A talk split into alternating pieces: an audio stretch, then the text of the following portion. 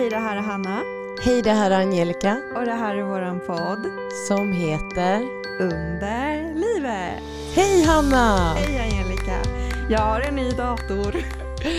Och det är ingen colaburk i närheten. Nej, alltså herregud. Dagen Fan att efter jag vi... påminner dig, förlåt. Nej men det är lugnt. Alltså, dagen efter att vi hade spelat in podd så fick jag dra till eh, Täby Centrum Apple Store och så frågade jag så här, hej hur mycket kostar det att laga den här? Den är fuktskadad minst sagt. Så sa han, det blir 12 495 kronor. eh, Och laga liksom. Och laga. En ny kostar, vad var det, typ 14 med studentrabatt. Så jag bara, nej jag köper en ny. Jag köper en ny. Eh, fick ut 7000 på försäkringen och resten fick jag lägga själv. Alltså herregud, jag ska aldrig mer ha en colaburk och dator i samma väska. Gör inte mitt misstag. Och jag gillar att du skrev idag innan vi kom hit. Tar du med kolan idag? Jag förstår att du har blivit lite rädd. Ja, ja nu får du ta kolan här efter. Nej men hur mår du då? Ja, hur mår jag? Det är jätteskönt att sitta här med dig nu och snacka. Det, jag längtar alltid efter det här. Och det är så himla himla skönt att ha någon som vet faktiskt hur man mår. I helgen, nu när vi spelar in det här så är det söndag och i fredag, lördag då har jag suttit på Instagram och snackat ganska mycket med våra följare där. Och eh, det har varit så himla himla mysigt. Vi har verkligen världens finaste och mest engagerade lyssnare. Ni är så fina verkligen. Men det slog mig också ganska mycket sen i, i, på lördag kväll, igår kväll.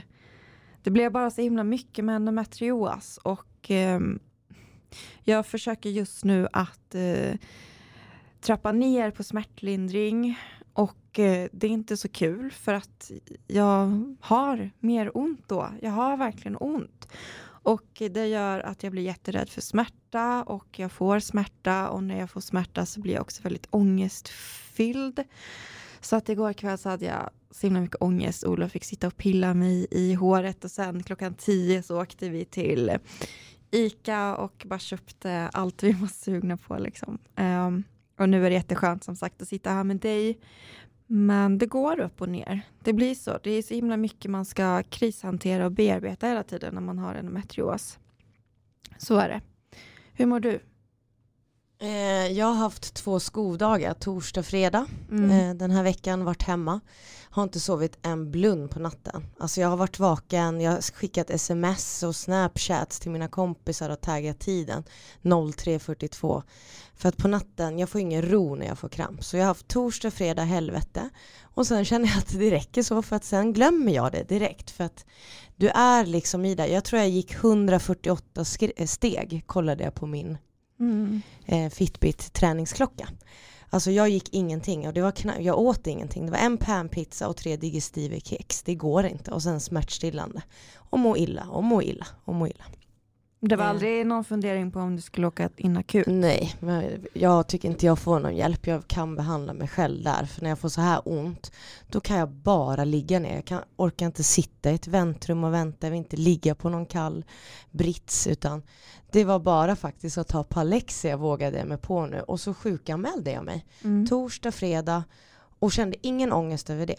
Bra. Överhuvudtaget. Bra. För att eh, dit har jag kommit nu att jag måste stanna hemma. Jag tänker inte tugga på. Eh, men jag ligger ju som du också säger, man får ju ångest när du ligger ont. Jag känner, åh men gud, jag orkar inte ens laga mat, jag orkar inte gå på toa.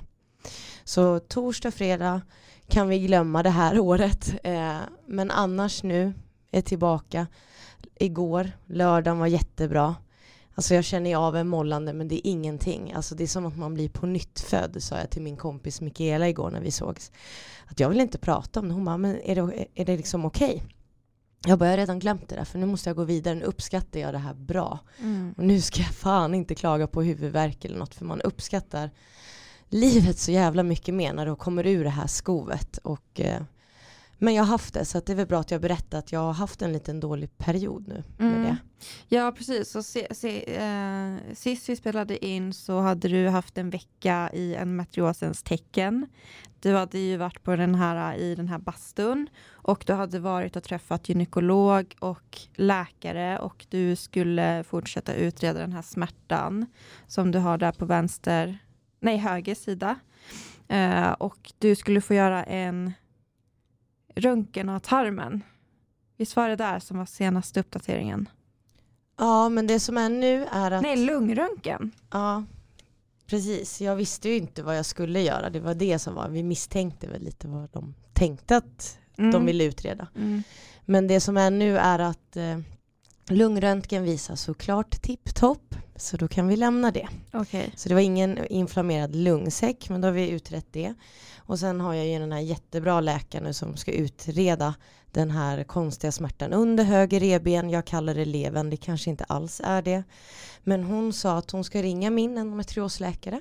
Bra. Tog alla uppgifter. De ska tillsammans diskutera och gå vidare nu. Så nionde i fjärde har jag fått en tid Okej. hos endometriosläkaren. Men min läkare då som utreder det här med leven, som jag kallar det, kommer ringa henne och se vad planen är. Kan vi göra en MR eller någonting och se om det skulle kunna vara endometrios här på under höger revben. Så det är planen nu. Det är jättebra att de kontaktar varandra. Hon tog alla uppgifter och var, alltså jag blev så, jag, Ja. så tacksam.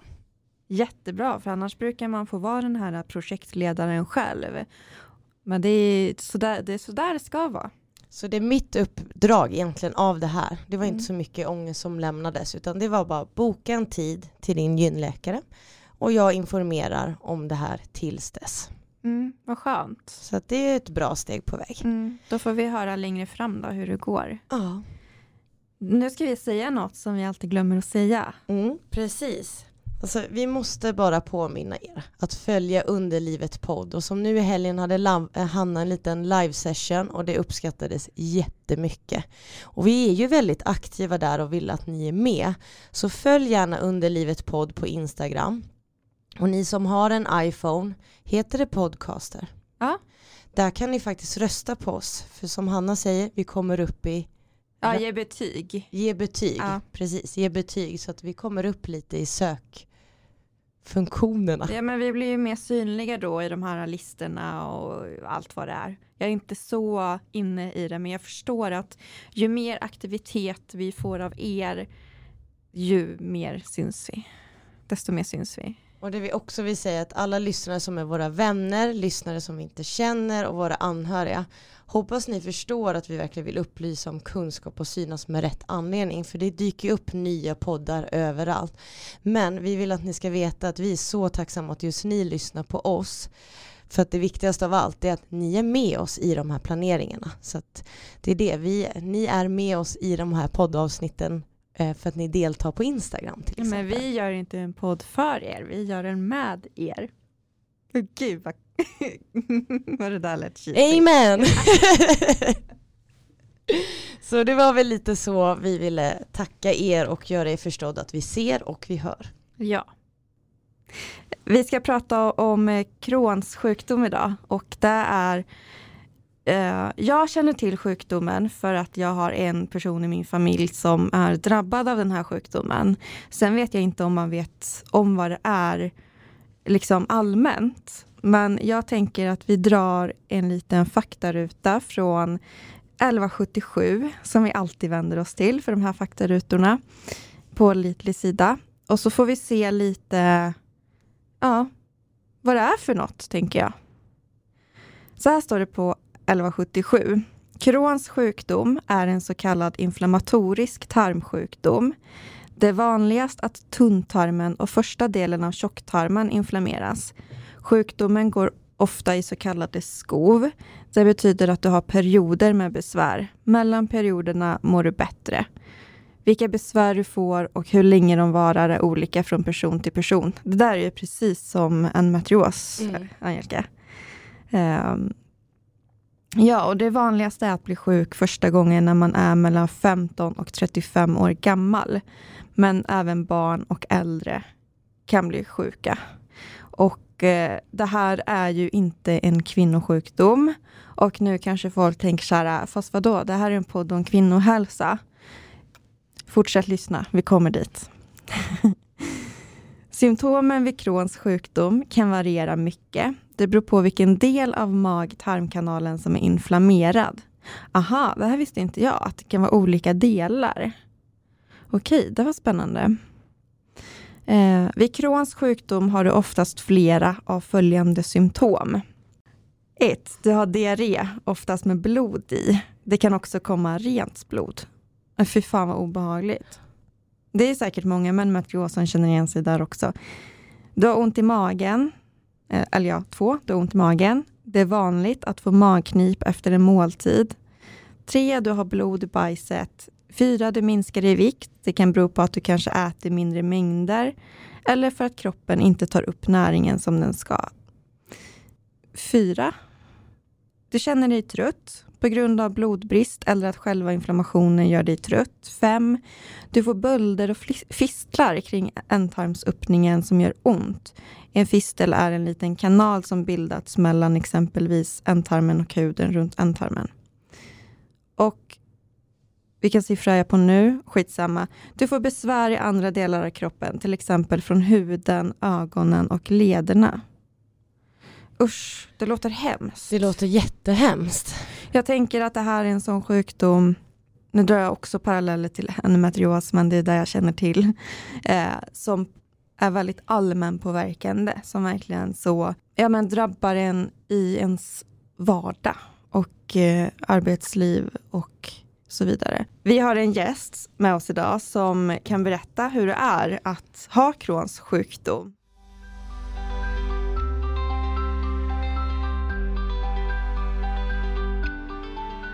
Hej Charlotte! Kan inte du berätta kort vem du är? Eh, jag heter Charlotte Beijer och eh, jag har Crohns sjukdom, så det är en tarmsjukdom. Eh, men jag är eh, PT, så jag jobbar inom träning eh, och så är jag kostrådgivare. Så jag jobbar egentligen med träning och hälsa. Men just nu så är jag mammaledig, så det blir inte jättemycket jobb med träning och kost. Du ville berätta din historia med Crohns sjukdom? Ja, nej men absolut.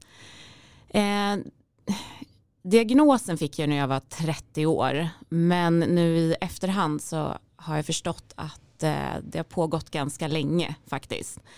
Redan när jag, var, när jag gick i högstadiet så fick jag järnbrist för första gången och eh, egentligen var det väl inget mer med det utan jag fick järntabletter och eh, livet fortsatte.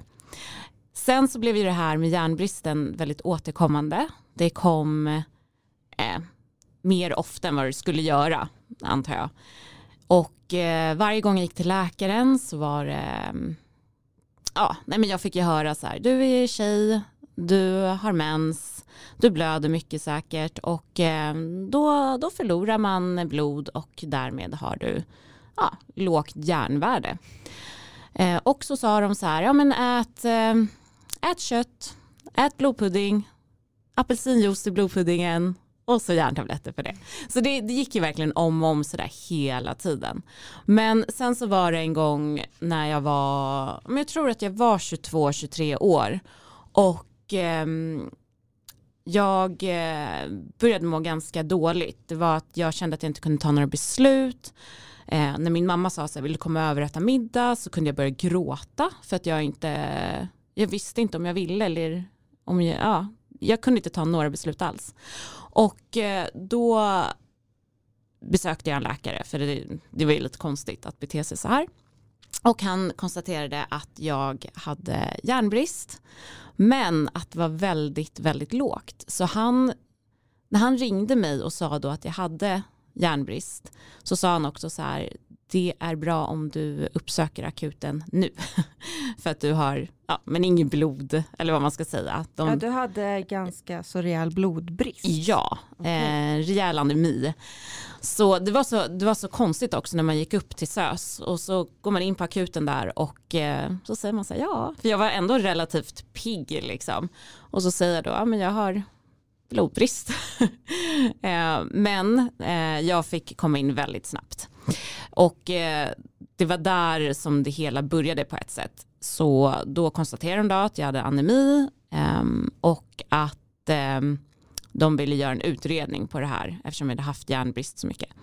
Så jag fick göra en ehm, gastroskopi men det visade sig ingenting. Och varför gjorde du en gastroskopi? Det var för att se om jag har celialki. Heter det så? Mm. Säger rätt? Uh. Och det hade jag inte, så allt såg bra ut och då var det inget mer med det. Så jag fortsatte att ha järnbrist. Eh, och så höll det faktiskt på hela tiden.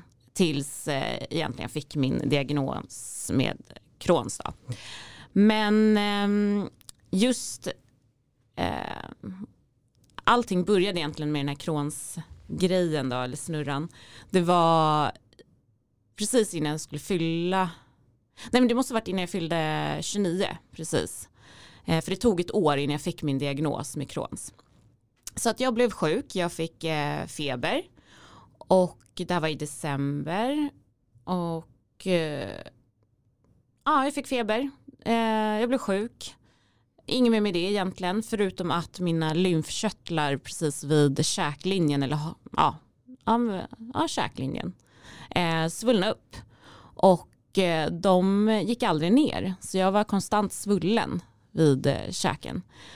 Och eh, till slut så gick jag till eh, läkaren och eh, hon sa bara så här, nej men du har järnbrist och eh, eh brist på vitamin D, eller D-vitamin. Så jag bara okej, okay, så här tänkte jag att ja, men nu blir det väl bra. men i samma veva så eh, började jag få blåsor i munnen och eh, jag fick eh, ganska svullna läppar. Men det var ändå ingenting jag tänkte så jättemycket på utan eh, jag köpte zink för det kan hjälpa till när man har blåsor i munnen. Jag tänkte att men det var väl bara någon infektion eller bara lite sjuk sådär. Men det hjälpte inte, ingenting hjälpte. Eh, de här besvären i munnen fortsatte. Eh, det kom upp fler blåsor. Eh, munhålan blev svullen så det var som, vad säger man, vid kinden och inne i munnen så var jag liksom svullen. Jag var, jag var tjock där. Men hur gick det att äta mat då? Mm, ja men det gick bra. Eh, för jag var en, jag var liksom inte, jag hade inte ont. Det var det. Jag, det sved inte, inte vad jag kan komma ihåg. Så jag åt precis som vanligt. Ehm, men eh, ja, alltså, mitt ansikte såg lite annorlunda ut än vad det gör idag. Eh, det var ju många som frågade om jag hade varit hos tandläkaren för att jag var konstant svullen. Eh, nej, men sen så under det här året så fortsatte jag gå till läkaren. Så jag blev ju sjuk då i december. Nu var vi kanske i mars-april. Eh, och då besökte jag en ny läkare och han sa att eh, Ja, nej men eh, du behöver nog värktabletter för du har hög, eh, lite högre infektionsvärde tror jag att det heter. Eh, och eh, så sa han så här, det är bra om du inte tränar också. Så sluta träna nu under ett tag och ta de här tabletterna två gånger per dag. Och, ja. Får jag fråga då, eftersom att du då redan har ont i magen, för det hade du under den här perioden eller? Alltså inte vad jag kan minnas, inte just då, utan det kom lite senare. Okay. Eller om jag ignorerar det. Jag vet faktiskt inte, men jag tror inte jag hade ont i magen just då. Då var det så mycket med min mun och det tog fokus. Okej, okay. annars tänkte så. jag på det här med att, att äta värktabletter när man har väldigt, alltså på det sättet mm. ont i magen med så inflammationer. Jag tänker att det är en dålig kombo. men då var det ingenting som du i alla fall märkte. Nej, nej, jag tänkte inte att jag hade problem med magen. Verkligen inte. Ehm, eftersom att jag hade bara besvär med munnen. Svullna läppar, svullen munhåla, blåsor i munnen och svullna lymfkörtlar. Det var för sig det jag kände var lite så här, det känns inte helt okej att ha det. Men eh, det fortsatte sådär och ehm, ja, efter en månad så vaknade en morgon och hela mitt ansikte var helt, eh, det var så svullet. Så eh, ja, jag såg inte klok ut. Men eh, jag mådde ändå ganska bra och eh, ja, så jag gick och jobbade. Jag hade några PT-kunder Och eh, sen så åkte jag in till närakuten. Och eh, ja, och bad om hjälp. Och det de sa var ju så här, ja men det där är pollen. Du har ju pollenbesvär, du har åkt, eller det där är en reaktion på pollen och kanske någonting du har ätit. Eh, och jag sa nej, det här är inte, det, det är inte det. Och eh, de tog blodprover. så de tog blodprover, allting ser bra ut såklart. Eh, och eh, det slutar med, eller jag går därifrån och får, eller med penicillin. Så jag ska äta penicillin i tio dagar. Och då tänker jag, ja det kanske hjälper. Men någonstans kände jag så här, det här, alltså penicillin, det är inte det. Det kommer inte att hjälpa mig. Men hoppet är det sista som lämnar en. Så jag hoppades ändå någonstans. Eh, efter det här så åkte jag på semester med min sambo. Och under resan så blev det ju inte bättre. Jag vaknade med svullna läppar och ja, det började om igen. Så det var ganska, det var väldigt jobbigt. Eh, men när vi kom hem sen så kände jag så här, nej men jag ringer tandläkaren för de har ändå koll på munnen. Eh, så jag ringde en tandläkare, fick en tid, kom dit och eh, då sa hon så här att men det, ja, dina besvär kan vara så att det kommer egentligen från tarmen. Och då sa jag så nej men jag har inga problem med tarmen. Jag har gjort gastroskopi och jag tål gluten och allt sånt där. Hon bara, ah, okej. Okay. Men så tog hon bilder i alla fall på min, in i min mun. Och eh, så skickade hon dem till Karolinska och så ringde hon upp mig sen och sa så här, nej men du ska få ta ja, det var något munskölj liknande. Alltså jag har ju glömt bort så mycket. Men mm. ja, så jag tog det här i åtta veckor för att det skulle då ta bort de här blåsorna eller ja, vad det nu skulle göra. Men det hjälpte inte eh, och där någonstans började jag känna att nej nu får det faktiskt vara nog, jag orkar inte. Och i samma veva så upptäckte jag en knöl under min haka, eh, så mellan så här, haka och hals. Och då började jag också känna så här att nej men det här känns faktiskt inte bra. Och eh, då uppsökte jag min läkare igen. Eh, och han, alltså jag tror jag träffade honom så många gånger så jag vet inte vilken ordning det är. Men han sa väl bara att nej men du har svamp i munnen så nu ska du få äta medicin mot svamp. och jag bara, jaha, är det det jag har?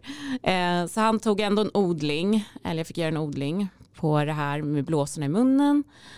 Och så fick jag äta ny medicin men när jag hade ätit klart den här kuren så fick jag också ett brev där det stod att nej men du har inte svamp. Så jag ja, uppsökte honom igen och eh, då sa han bara så här nej jag vet faktiskt inte vad jag ska göra med dig. Jag kan inte hjälpa dig. Så jag skickar dig till en specialist eh, på öra, näsa, hals. Så då fick jag komma dit och eh, den läkaren var helt fantastisk. Eh, han, han hjälpte mig. Så när jag kom till honom så um, ja, kollade han i min mun och tyckte att det här såg ju kul ut. Nu har vi någonting att jobba med för att jag såg så hemsk ut i min mun antagligen. Um, så han uh, ja, satte mig i den här snurrstolen, um, sprayade lite bedövningsmedel i munnen och uh, ryckte bort med en tång tog han bort tandkött, det är så sjukt. Men eh, ja, så det blödde ganska friskt där. Men sen så eh, skickade han eh, mig till olika ställen så att jag fick remiss till KI för att ta massor med blodprover och göra en biopsi på den här knölen. Jag fick även göra ett ultraljud på den här knölen och sen så skickade han mig till en specialisttandläkare. Så ja, allting såg bra ut på alla prover förutom att jag hade lite förhöjda levervärden. Och så fick jag äntligen komma till den här tandläkaren. Och eh, när jag kommer in hos tandläkaren och öppnar munnen så kollar han bara i munnen och så, ja, men så här, hummar lite. och så säger han så här, jag måste bara hämta en kollega. Så hämtar han en kollega och eh, hon kollar i min mun och säger bara, nej men du har ju Crohns. Jag bara va? Hon bara du måste ha problem med magen. Och jag bara nej jag har inga problem med magen. Hon bara okej jag kan inte lova att du har Crohns, men du borde kolla upp det där. Eh, så jag tycker att du ska säga till din läkare att han skickar remiss till gastro. Visste du då själv vad det var för sjukdom? Ja, för jag hade ändå snuddat vid det med alla mina googlingar. Liksom. Jag hade ju googlat så himla mycket. Så jag hade ändå snuddat vid Crohns, men jag hade aldrig hittat att jag kunde få besvär med munnen. Det var det. Det stod inte någonstans. Utan det var alltid så här, du har ont i magen, eh, du får blod i avföringen, eh, du har diarréer. Eh, och det var ingenting jag kände att jag hade. Eller ja, hade. Så att därför var det så svårt. Ehm, men ja, och sen så eh, skickar då min den här läkaren en remiss till gastro. Så då kom jag till en gastromottagning, träffade en jättebra läkare och eh, ja, och då, det kan jag också säga, då började jag ha lite ont i magen. Jag vet inte om jag började släppa på det och bara, nej men gud jag har nog lite ont i magen i alla fall. men då var det så här, men då brukade jag vakna på morgonen och kände så här på höger sida av magen att nej men alltså jag har ont. Och när jag tar upp höger ben eller knä så får jag ont i magen. Så ja, väl hos gastroläkaren så um, säger han så här, nej men du eh, får eh, eh, göra en eh, koloskopi. Och det är att de går in med kamera då i ändtarmen för att gå igenom hela tjocktarmen och sådär. Eh, och innan det här förresten, kom jag på nu, jag har tagit massor med andra så blodprover. Jag tror jag tog blodprover jämt. De kollade till och med om jag var köttallergiker. Alltså jag fick göra alla prover. Så sjukt. Men det var bara en liten sidogrej. jag kom på det nu. Men eh, ja, så jag fick göra en koloskopi och eh, när han gjorde den så kunde han, in, han kom igenom hela tjocktarmen men sen så upptäckte han, mm, vad säger man då, gången mellan tunntarmen och tjocktarmen där, att det var så pass inflammerat så han kom inte in. Och då sa han så här, du måste göra en magnetröntgen på din tunntarm. Och då gjorde jag det och det visade sig då att den var väldigt inflammerad. Och då sa han så här, men det här, är, det här tyder på att du har Crohns. Så att du får nu kortison eh, och får äta det. Så jag åt det i, jag tror att det var tre månader. Ja, det tror jag. Tre månader åt jag det och eh, sen fick jag göra en ny koloskopi var det. Alltså nu har det gått ett och ett halvt år. Det, men det var verkligen, ja. Så gjorde jag en till koloskopi och då såg det ju bättre ut. För att så här var det att jag fick kortison efter min första koloskopi, koloskopi och då blev det ju bättre. Jag mådde mycket, mycket bättre och efter det så la jag om kosten. Så då valde jag att äta en glutenfri växtbaserad kost. Så jag bytte faktiskt från en dag till en annan och bara gick all in. Och då när jag fick göra min nästa koloskopi så sa han att det såg mycket bättre ut och att jag inte behövde äta någon medicin. Um, sen vet jag inte om det är kosten som hjälpte mig eller om det var kortisonen. Men någonting var det. Jag mådde jättebra av att byta, um, byta kost. Um, ja, så så är det tror jag. Det är väldigt humoristiskt nu när du berättar om det här för oss. Så det, det låter så himla absurt alla prover och alla besked du har fått. Hur lång tid tog det för dig från att du fick så här liksom med facit i hand när du fick ditt första symptom till att du fick en diagnos? Hur lång tid tog det? Det tog prick ett år. Mm. Så prick ett år tog det. Um, Ja. Känner du att du inte hade haft en diagnos idag om det inte vore för att du själv eh, kämpade så mycket? Alltså det är svårt att säga. Nej men jag tror att, jag vet inte, men jag skulle kunna tänka mig att det kanske skulle ha utvecklats ännu mer. Eh, jag behövde kortisonen, jag behövde den här hjälpen. Men ehm, ja, det skulle nog ha blivit värre den, jag har ju en inflammation i slutet av tunntarmen vid tjocktarmen. Eh, och hur det ser ut idag det vet jag inte. Men det kan ju vara så att den inflammationen kanske skulle ha växt. Kanske skulle satt sig på fler delar, skulle blivit större. Och det kan ju då sluta med någonting helt annat. Mm. Att det skulle bli mycket, mycket värre. Eh, att jag skulle få äta starka mediciner. Eh, Så det är jättesvårt att säga faktiskt. Mm. Det är det verkligen. Ja, det jag känner att jag är inne lite på är det här med att det här är inte en kvinnosjukdom. Men att du är kvinna spelar roll för den vården du får i alla fall. Och eh, så här har jag vetat att det är. För att jag är ja, medveten kvinna. Jag vet inte vad man ska säga om sig själv. Men jag vet att det är så här det ser ut i vården. Sen har inte jag kunnat eh, liksom motivera det här med forskning som man ju ska göra med saker man, man påstår. Så igår så googlade jag faktiskt på, jag tror det var, ja, jag vet inte vad jag googlade på men det var något sånt där. Och den första träffen jag fick tryckte jag på och ägnade mig hela kvällen åt att läsa och diskutera. För att jag blev väldigt, alltså jag visste att det var så här att kvinnor får vänta längre på en diagnos. Kvinnor får i genomsnitt inte samma eh, mängd smärtstillande som män med samma besvär.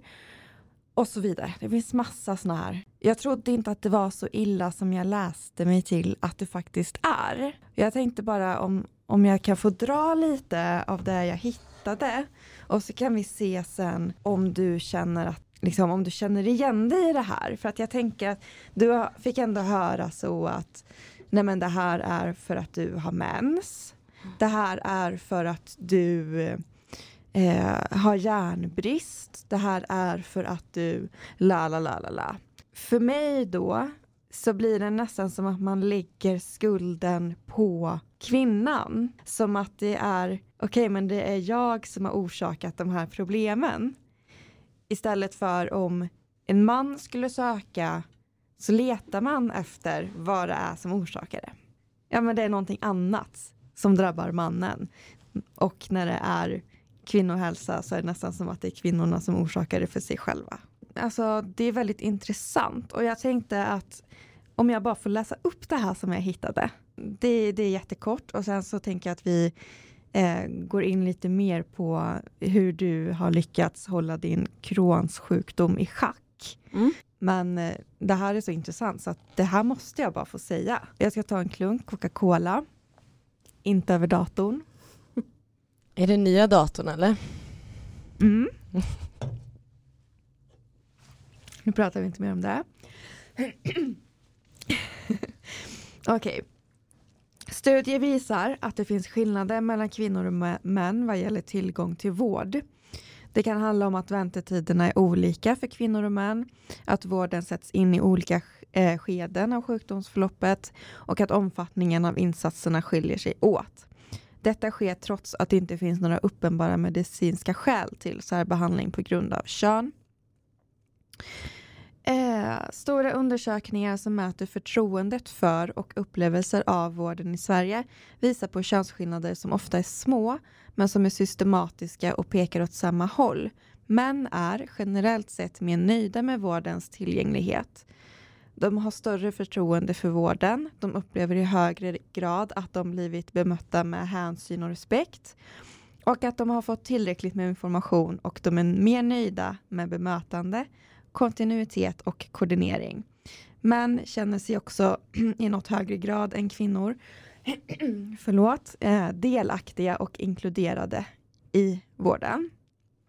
Och där drar jag paralleller ganska så direkt till din historia mm. med Crohns liksom och ja, jag blir så arg när jag läser det här och när jag hör på hur du har liksom fått kämpa. Eh, forskning visar att kvinnor i mer än dubbelt så stor utsträckning som män upplever att de har blivit kränkta i vården. I ett representativt befolkningsurval svarade 16 procent av kvinnorna och 7 procent av männen ja på frågor om, den, om de någon gång känt sig exempelvis kränkta, förnedrade eller blivit utnyttjade av vården. Det är alltså dubbelt så många kvinnor än män.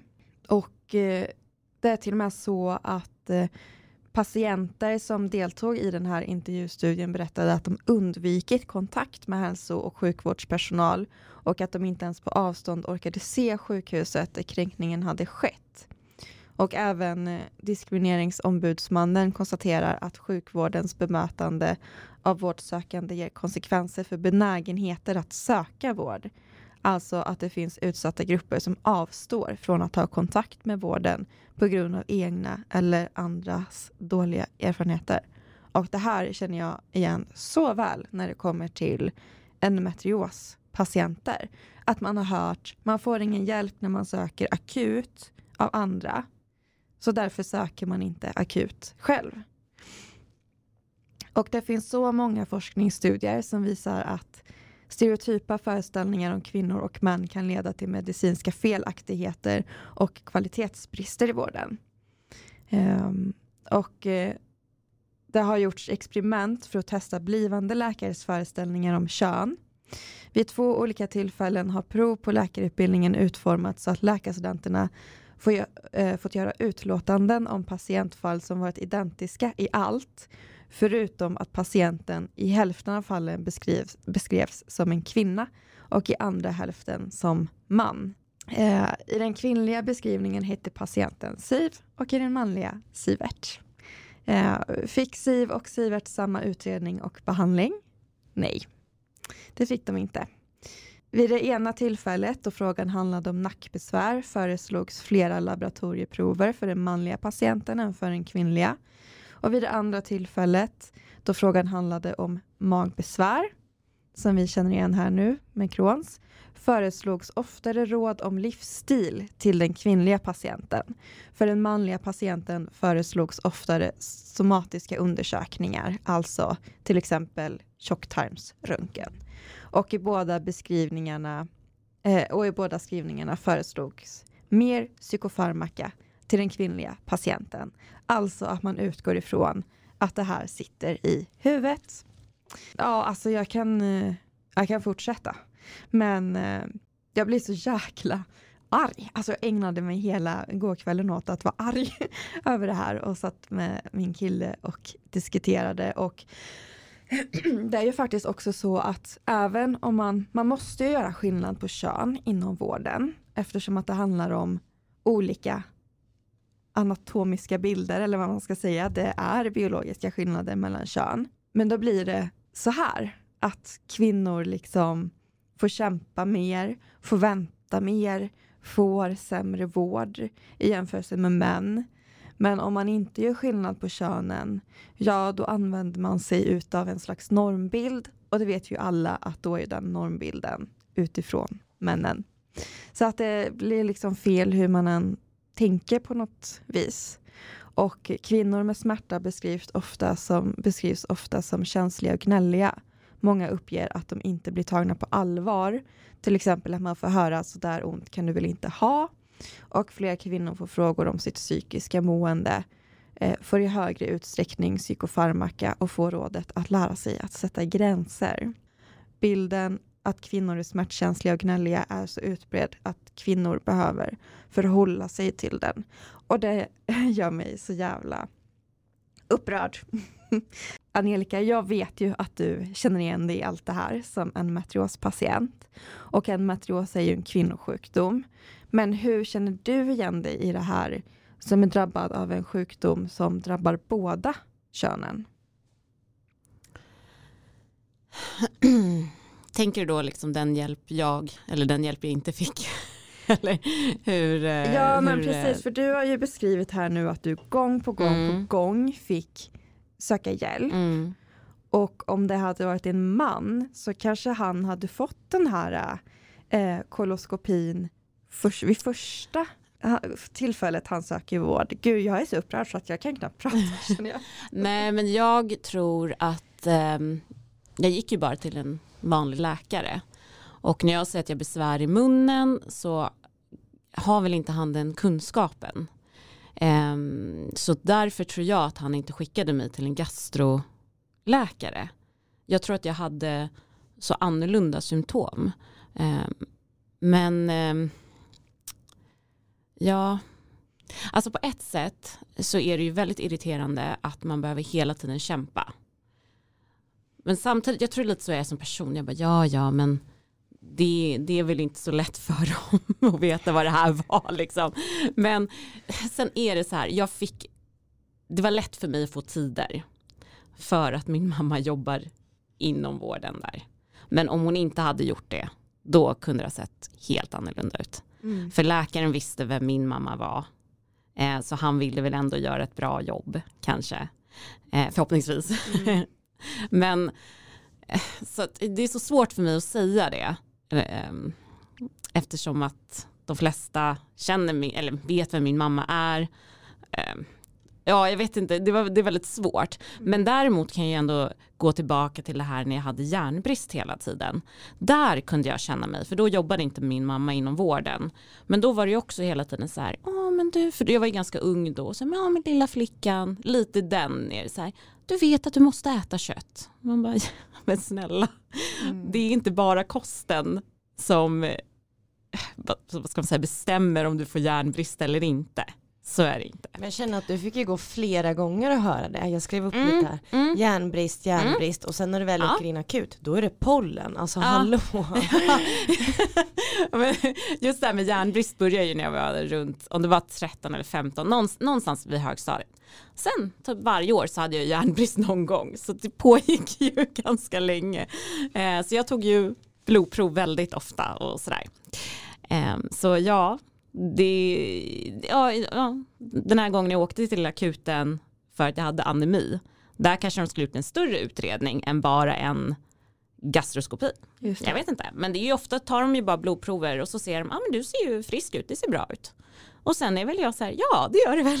Alltså, jag är ja, för vi kvinnor är starka. ja, alltså, och hem, där har vi ju typ ja. det du läste upp egentligen. Men eh, sen så kan jag tänka mig att om det hade påverkat min vardag mer, att jag hade haft ont i magen mycket mer, då kanske det skulle sett annorlunda ut också från min sida, att jag kanske hade kämpat mer.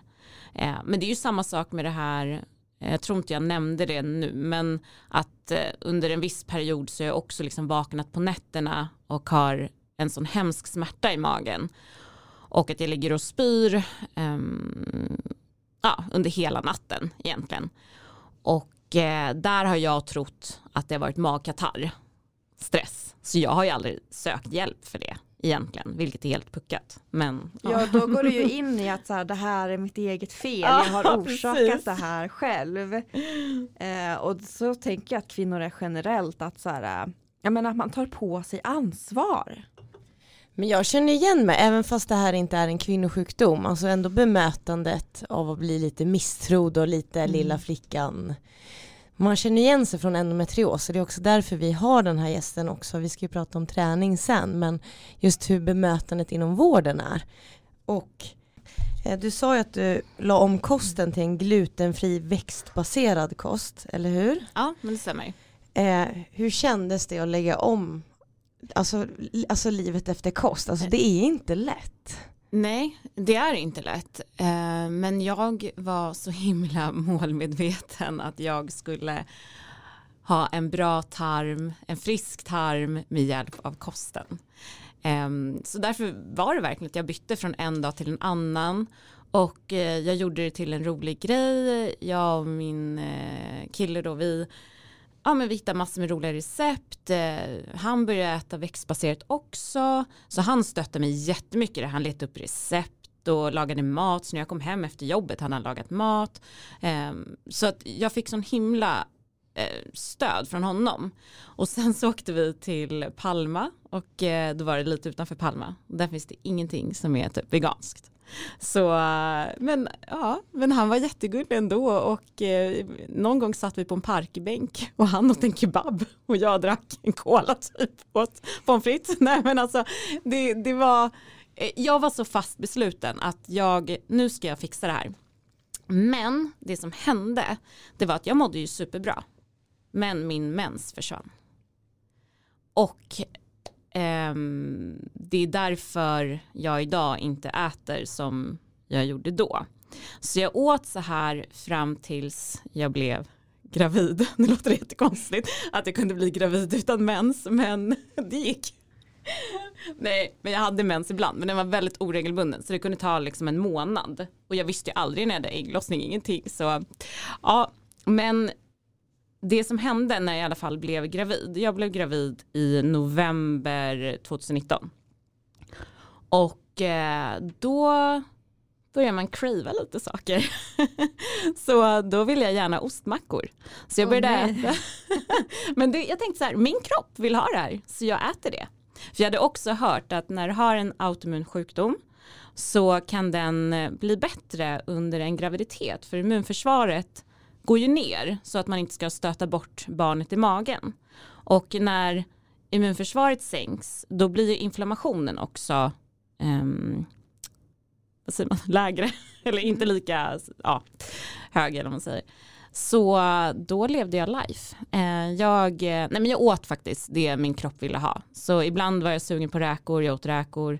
Jag var sugen på lax, jag åt lax. Det en... Då var du symptomfri alltså under ja. graviditeten? Mm. Det var någon gång jag fick ont i magen när jag åt härkuvert. Alltså det, det är det med Crohns, det kan vara så himla olika saker som du reagerar på. Fast det är då veganskt eller plantbaserat så kan man ändå reagera. Det är det här när det är mycket fibrer, det kan vara hårdsmält, nötter kan vara svårt att äta. Men ehm, så att jag levde väldigt bra ehm, och även nu efter graviditeten så har jag mått väldigt bra. Det är ju så att jag kan inte äta vissa livsmedel, som choklad har jag inte kunnat äta. Då, då blir läpparna stora eller så får jag ont i magen igen. Eller inte ont i magen, ont i munnen igen. Ehm, och, Eh, men under den här tiden, så i julas, kunde jag äta um, choklad. Men bara för någon månad sedan um, ehm, så kom kronsen tillbaka, om man kan säga så. Ehm, och då hade jag eh, ätit ägg och det kan jag tydligen inte äta. Eh, så då vaknade jag upp på morgonen, då hade jag ätit ägg dagen innan, så vaknade jag upp på morgonen och så mår jag så illa och jag vet inte var jag ska ta vägen. Och jag tror att jag ska gå och spy, men det gör jag inte. Men eh, det var verkligen på den nivån. Och eh, jag skulle gå och ha en PT-kund. Och så tänker jag så här, äh, det är klart jag kan ha en PT-kund. Det är ju bara att kamma till sig lite sådär. Så jag eh, tryckte i mig tre mackor och drack kaffe, vilket inte var så himla gott egentligen. Men jag bara gjorde det för jag tänkte jag måste ha energi. Eh, men sen så när jag gjort det så känner jag så här, det här var inte smart. och, eh, och så tänker jag så här, men vad håller jag på med? Varför ska jag prestera när jag inte mår bra? Så då hörde jag bara av mig till min kund och sa, jag kan inte, jag kan inte ses idag för jag mår inte bra. Och så var det inget mer med det. Mm. Eh, och sen så mådde jag faktiskt dåligt under hela helgen Um, ja, och nu efter det så har jag fått sköta, eller göra om kosten igen. Men jag äter nu, nu äter jag ändå lax, kyckling, jag äter inte gluten och jag äter inte mejeriprodukter och ägg då. um, och sen så är det, jag kan inte äta choklad. Uh, det funkar inte för mig nu. Um, och sen är det väl lite fler livsmedel som jag inte vet om. Men ibland kan det vara kombination också. Eh, som igår åt jag cashewnötter under hela dagen typ. och eh, det är inte bra, då får jag ont i magen. Så jag hade faktiskt lite ont i magen i natt. Men ingen fara, men jag, jag hade lite ont i magen, känningar. Så då vet jag, så där ska jag inte göra.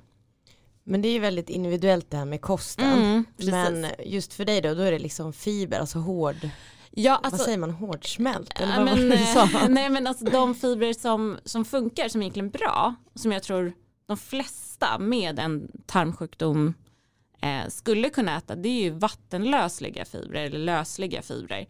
Och det är ju för att de, det är lite lättare att bryta ner i tjocktarmen och eh, då är det ju typ så här havregryn, linfrön, sylinfröskal, alltså man kan nästan höra vad som är vattenlösligt. Men eh, som jag också nämnde tidigare, vi pratade innan här, att banan kan faktiskt, det är en vattenlöslig fiber, ett vattenlösligt fiber. Men eh, det är många som inte kan äta banan. Eh, när de har typ Crohns eller IBS eller ja, med problem med tarmen. Så det är så individuellt. Men jag tror även att kosten är en stor del, absolut. Men sen så är det också livsstilen. Så fort jag utsätts för stress idag så får jag ont i magen, eh, kan få jätteont i magen. Eh, så stress försöker jag undvika, det är svårt men man måste ju ändå se till sitt mående. Sömn är också jätteviktigt. Eh, det behöver man. Och eh, äta långsamt. Det är liksom, vi alla vet det här känns det som, men ändå är det väldigt svårt. Jag är inte proffs på att äta långsamt. Liksom. Alla vet det här men det är jättesvårt att tillämpa själv. Ja. Som du sa, jag bara bestämde mig på en dag. Jag tror Ja. att det är lite så man måste tänka. Ja. Om man, man ja. lägger om kosten. mm, Men så här då, om man lyssnar på det här nu, eller ja, men som jag till exempel, blir ju eh, taggad. Vad är det första jag ska göra? det första du ska göra om du har problem med eh, magen eller tarmarna, det är, det här är faktiskt väldigt svårt, men det är att göra en matdagbok. Det är ju det jag gjorde. Vad är det som inte funkar? Och det är ju jättesvårt för man kanske äter massor med olika livsmedel på en dag. Men ibland har man ändå en liten så här, mm, koll på, kan jag verkligen äta det här? Eh, så mitt tips är att skriva en kostdagbok och det tar tid, det tar jättelång tid.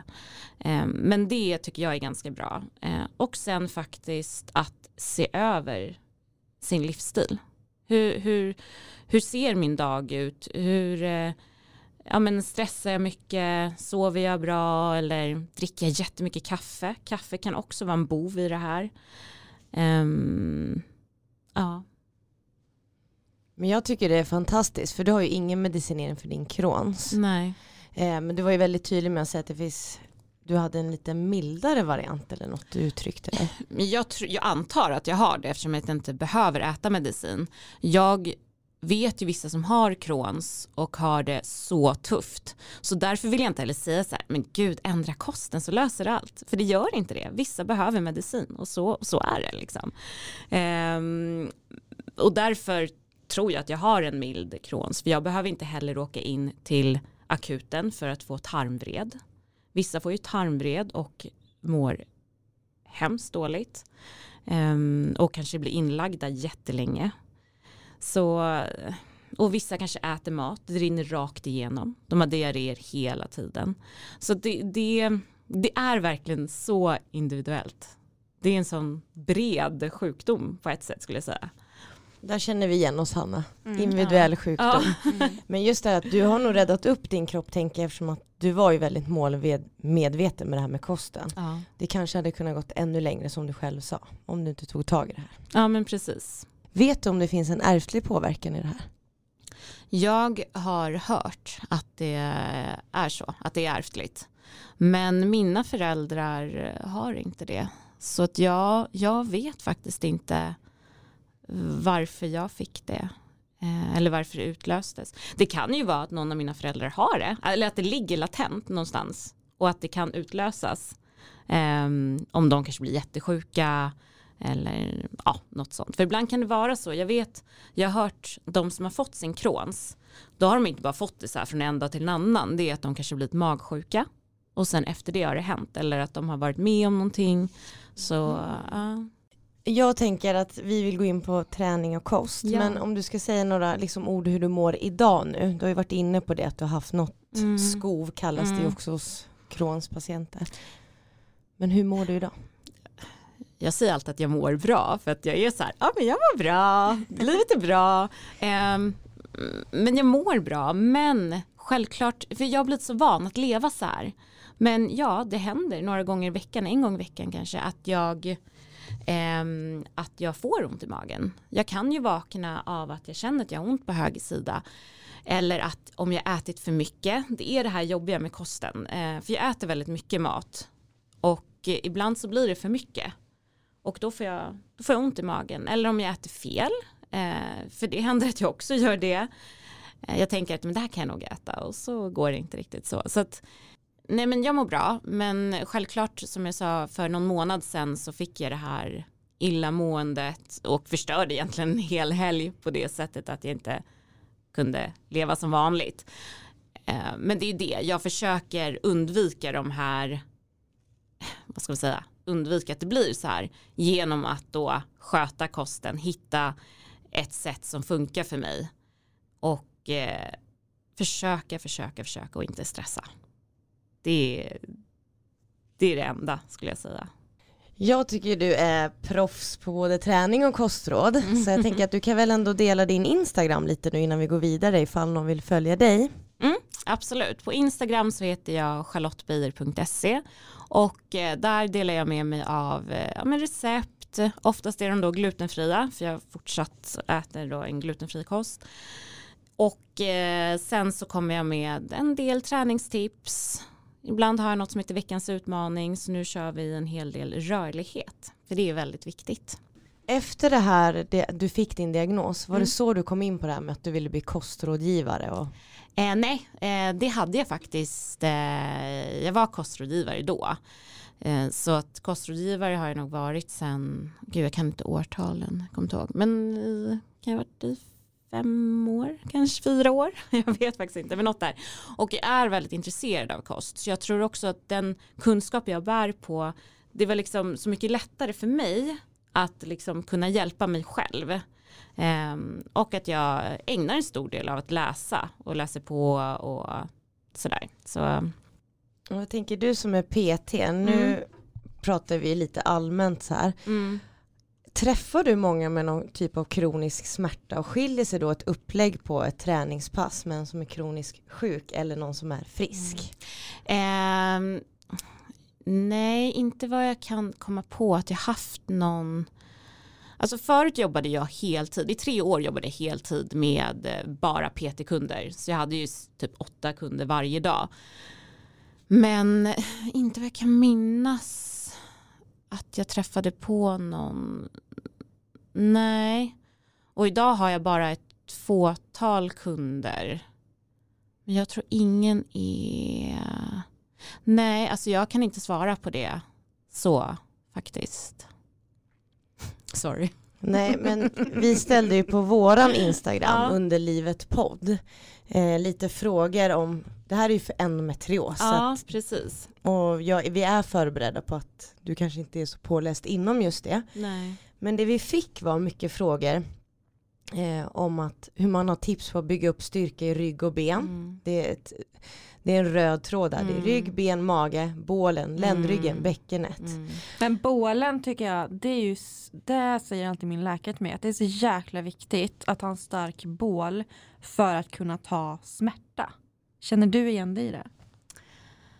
Um, för att kunna ta smärta? Ja, det vet jag inte. Men eh, en stark bål är ju jättebra. Man kallar ju liksom kåren, eller det är för kår och på engelska är det kärna. Så det är ju egentligen kärnan på vår kropp. Så den hjälper ju till väldigt mycket.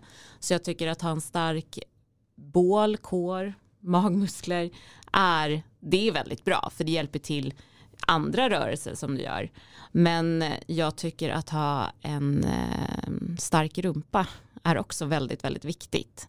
För man tänker ofta så här, ah, men gud, jag har lite ont i ländryggen och jag, ah, jag skulle ha bättre magmuskler och sådär. Men eh, glöm inte bort att träna rumpan. För det är ofta det som också hjälper till eh, ryggsmärta eh, eller liksom rörlighet i höft. Um, så jag skulle säga, alltså, så här egentligen, nu kanske jag låter lite hård, så här är det, folk rör på sig inte så mycket. Men bara du rör på dig så kommer du kommer du känna skillnad.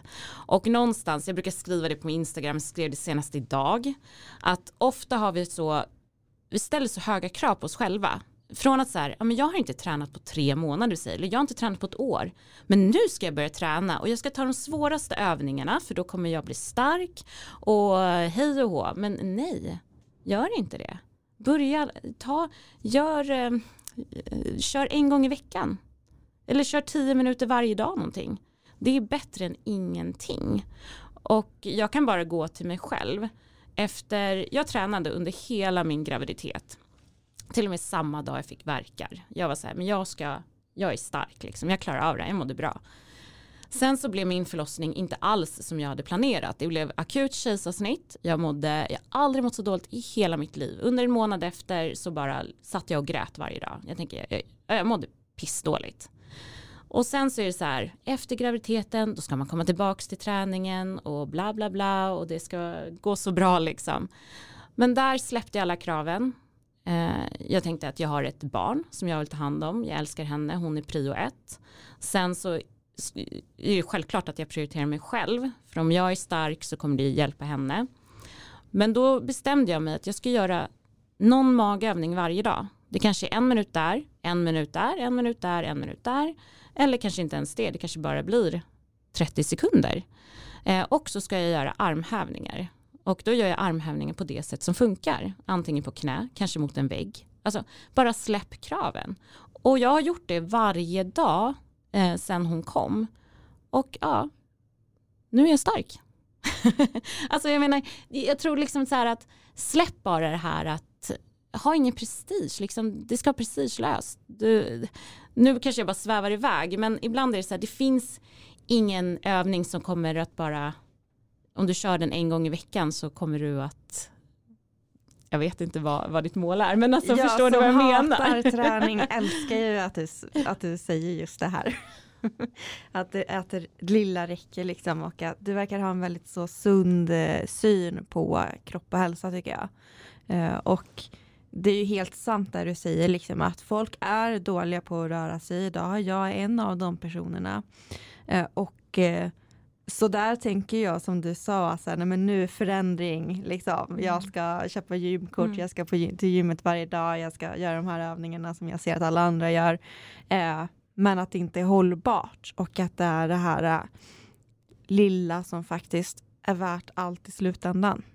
Ja, um, och sen så är det så här om du får in en vana. Om vi säger nu så här att du, ja, men du kanske behöver jobba på din bröstrygg här mellan skulderbladen. För du kanske sitter med böjda axlar fram. Men till exempel. Det såg du. Nej, det gjorde jag inte. Men det gör alla. Liksom.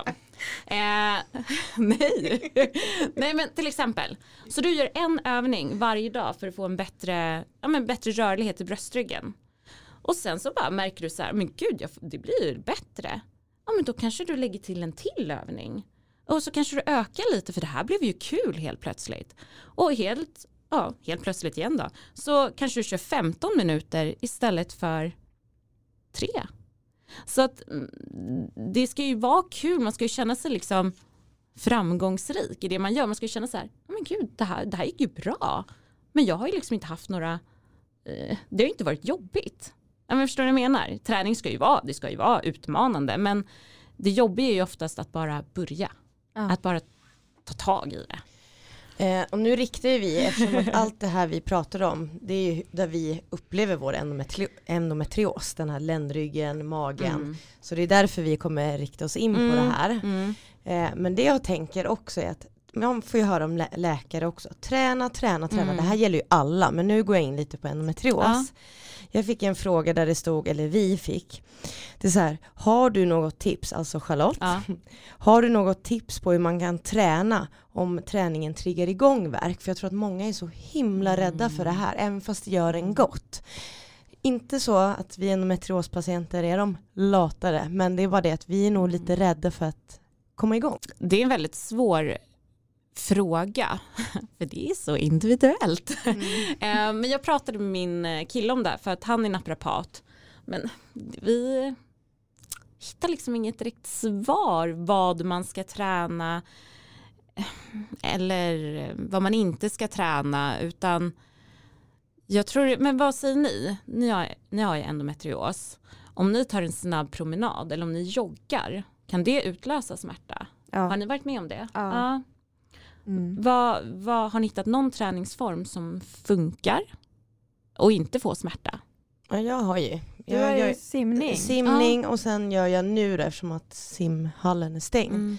gör jag en liten mm. sån här challenge, eller vad heter det, med min mm. kompis. Mm.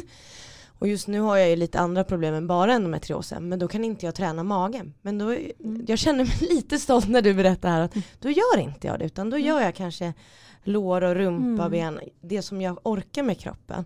Så jag tror ju ändå att det går att hitta en individuell form. Men jag tror att folk behöver bara den här sparken i rumpan och komma igång. Mm. För det går verkligen. Och där är ju samma sak som i kosten. Du får testa dig fram. Och det låter så jobbigt och man vill bara ha en quick fix. Men det funkar inte så, tyvärr. Mm. Utan samma sak med kosten. Vilka livsmedel kan jag äta? Ja, samma sak med träningen. Vilken träning kan jag göra? Eller är det så att vilka övningar kan jag göra? Det kan ju vara bara till någon övning eller någon muskelgrupp som triggar igång. Um, så testa. Jättetråkigt svar men det, det skulle jag säga bara. Nej men det vi i alla fall Mm. har pratat med dig om är Mm. att vi kommer lägga ihop det här vi har fått från lyssnarna. Mm. Och om du kan vara med på vår Instagram och lägga upp en sån här träningsvideo så att man får lite tips. Orkar man bara en av de övningarna, det är väl jättebra. Ja, men självklart. Så det då- gör vi. Och sen kommer det nog komma lite om kost just för att vi med endometrios har ju ofta IBS-besvär. Ja. Eh, och du var ju lite inne på det här med, vad hette det nu? Eh, fibrerna som var Ja, bra. ja, men så här vattenlösliga fibrer, Ja. det kan vara lite snällare mot eh, tarmen. Så. Ja. Ja. Så att eh, just vi har ju också de här IBS-liknande besvären Ja. inom endometrios. Så att det kan ju komma lite frågor om kost. Absolut. Så Ja. att du är med på det. Men den här videon vill vi jättegärna lägga upp. Det kanske blir fler. Det får jättegärna bli fler. Jättegärna. Jag tror att det kommer komma jättemycket mer frågor. För att vi alla, även Hanna tror jag vill komma igång och träna, eller? ja, blir inte jag du ska- inspirerad? Jag ska köpa Charlottes tjänster. Ja. Blev du Jag inte inspirerad nu med bara kosten? Japp. Att jag kände så här, nej det här, nu, Det här ska inte jag heller dricka alltså. nu var det sista serum, eller hur Hanna? Nej. Två flaskor hemma liksom. Dricker ni kaffe då? Nej, det gör jag Nej, inte. Det har jag tagit bort. Ja, Mm. det borde jag också göra. Men jag kan inte. Jag kan inte Nej, inte jag alltså. heller. Alltså jag älskar morgonkaffet. Men jag känner så här, även om det bara är en kopp, vad kan det Nej. göra? Men där får man ju känna där också, testa. Funkar kaffet? Ja. Funkar det inte? Nej. Mm. Jag har valt att ta bort ka- kaffe, behålla choklad. Ja. Och jag kan inte äta choklad, jag har valt kaffe. Ja, där har Ja. Allting är individuellt har vi Ja. kommit fram till Ja, här. precis. Ja. Eh, men ett par sista kloka ord, allt gällande träning, Crohns, m- kost. Några sista kloka ord till våra lyssnare. Släpp prestigen. Helt enkelt. Gör något litet. Och eh, som jag sa tidigare, gör något litet, du kommer få in vanan. Vanan kan komma om ett halvår, kan komma om bara tre veckor. Du får bara, du känner efter när den kommer. Tack så Ja. jättemycket för att du var med idag Charlotte. Tack för att du kom. Ja men tack själv.